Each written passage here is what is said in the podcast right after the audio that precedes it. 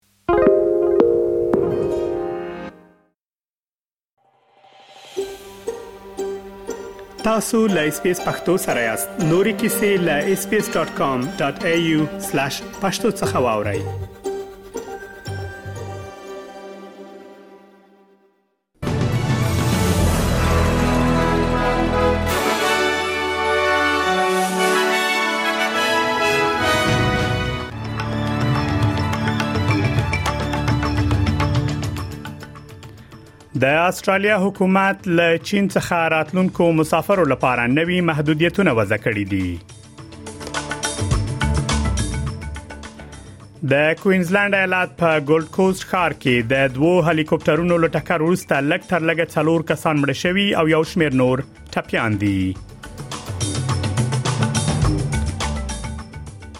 د سویلي استرالیا حکومت د موري سین شاوخوا اوسیدونکو لپاره یو سلو شپږ میلیونه ډالر بودیجه اعلان کړې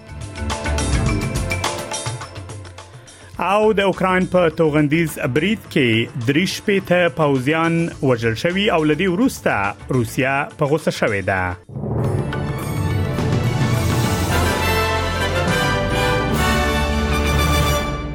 اوس هم پام وکړئ بشپړ خبرونه ته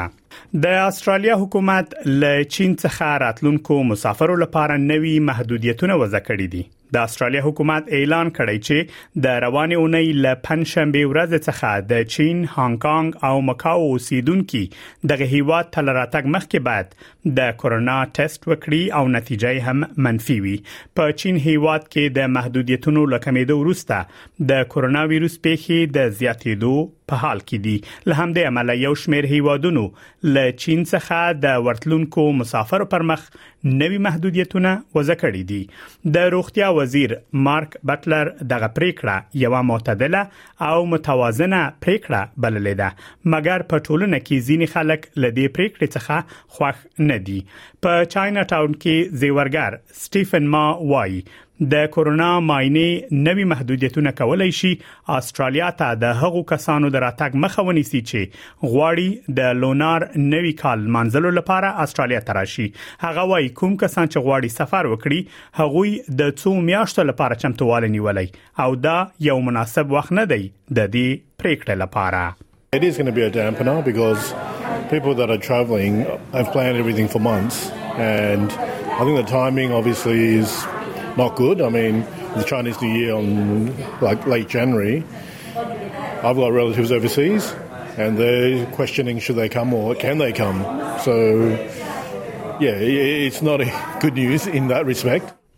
د کوینزلند ایالت په ګولډ کوست ښار کې د دوو هلیکوپټرونو له ټکر وروسته لږ تر لږه څلور کسان مړه شوي او درې نور پر وختون کې تر درملنې لاندې دي یا د پیښه پرون ماسپخین پر دوو بجو رامنځته شوې ده پولیس وایي دغه پیښه هغه مهال رامنځته شو چې یو چورلکه د کیناستلو پر مهال و او بل غوښتل لزمکه څخه پورته شي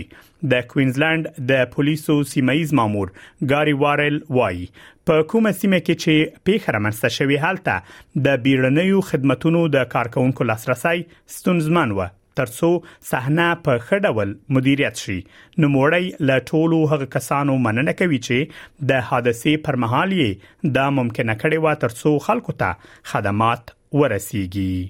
Due to the area where, where it was uh, located on the sandbank, Uh, it was difficult to gain access to get our emergency services, uh, QAS and QFRS, to the scene to manage the uh, scene appropriately. Um, so I'd like to thank all those that attended and made that uh, possible to get those people uh, to, to uh, emergency care. د کوینزلند ایالت د امبولانس خدمتونو د عملیاتو نظارت کوونکې جینی شیرمان وایي هغه د ټولو ښکیلو کسانو د رواني روغتیا په اړه اندېښمنه ده هغه همدار زیاتوي دا یو خورا دردناکه پیښه و او د پیښې له ټولو ښکیلو کسانو سره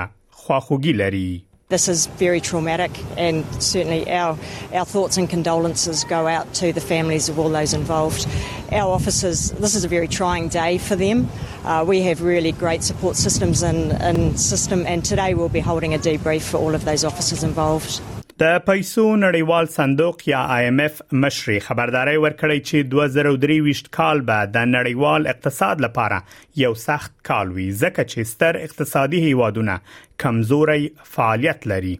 د آی ایم ایف مشره کریستالینا جورجیوا وایي تیر کال د چین اقتصاد د تیرو څلويختو کلونو په پرتله کم اقتصادي رشد درلود چې اصلي لامل یې د صفر کووډ 19 پالیسۍ عملی کول و په اوکران کې جګړه د انفلاسیون فشار او د سود لوړ نرخونه یو تیاره راتلونکي یو تیاره راتلونکي کوي اغلی جورجي وا د امریکا ل سی بي اس شبکې سره په خبرو کې ویلي چې په نړیواله کچه به یې اغیزې ویجاړونکې وي د دغه کار ځانګړي په ځانګړي توګه د هغو هیوادونو لپاره چې پورونه زیات دي هغه ویلي چې 2023 کال به د تیر کال په پرتله د ډیریو هیوادونو لپاره سخت کال وي ځکه امریکا، چین او اروپאי اتحادیه درې وړه په یو وخت ورو ورو روان دي For most of the world economy, this is going to be a tough year, tougher than the year we leave behind. Why? Because the three big economies, US, EU, China, are all slowing down simultaneously. Uh, the US is most resilient. The US may avoid recession. The EU very severely hit by the war in uh, uh, Ukraine.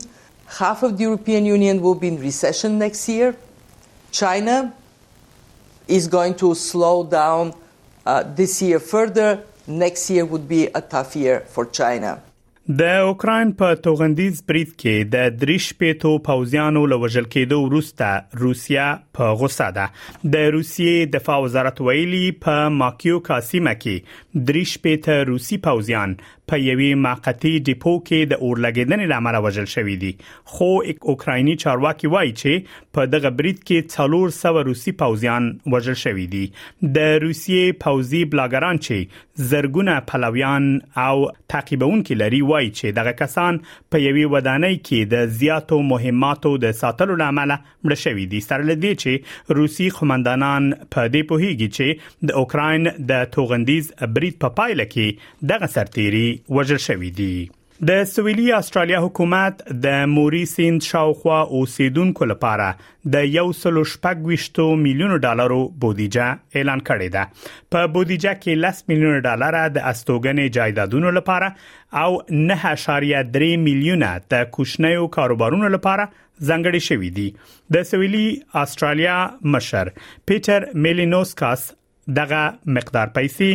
د لومړي وای چې دغه مقدار پیسې د لومړي ځل لپاره د وی پیخي لپاره ځنګړې شي د یوي طبي پیخي لپاره ځنګړې شوې دي هغه وای د پاکولو هڅه به پراخي وي او ډیر ځواک ته به اړتیا ولري نو موړې زیاتوي چې دا کار ډیرو سرچینو او همکارۍ ته اړتیا لري because the clean up effort is going to be big it's going to take a lot of manpower It's a lot, a lot, of, a lot of effort from men and women across the, um, the state, but it's also going to take a lot of resources that requires a collaborative effort between the Commonwealth, the state government, and local government in particular. د کوانټس هوایی شرکت هغه الوتکه چې دوه ورځې وړاندې د مانیلا هوایی حریم د تړل کېدو لامل راګرځول شوې و فلیپین ته په بریالیتوب سره ورسیده د کیو اف 19 الوتکه د یک شنبه په ورځ له سیدنی څخه فلیپین ته روانه و کله چې شاوخوا 3 ساعت وخت پاتې و ترڅو خپل هدف ته ورسیږي پیلوټانو ته خبر ورکړل شو چې نشي کولای الوتکه کینوي د فلیپین د ترانسپورت سکرتر جیم بودیستا وایي د هوایی ترافیک مدیریت مرکز چې ټول الوتنې کنټرولوي او څاري د برېښنا د پریکېدو لامل فعالیت درولای و هغه وایي ستونزه هواره شوی او تمه لري چې عملیات به نورمال ووسیږي نوموړی زیاتوي چې لا د مخه نړیوال پروازونه را رسیدلې دي او تمه لري چې د امکان تر حد پورې پروازونه شروع شي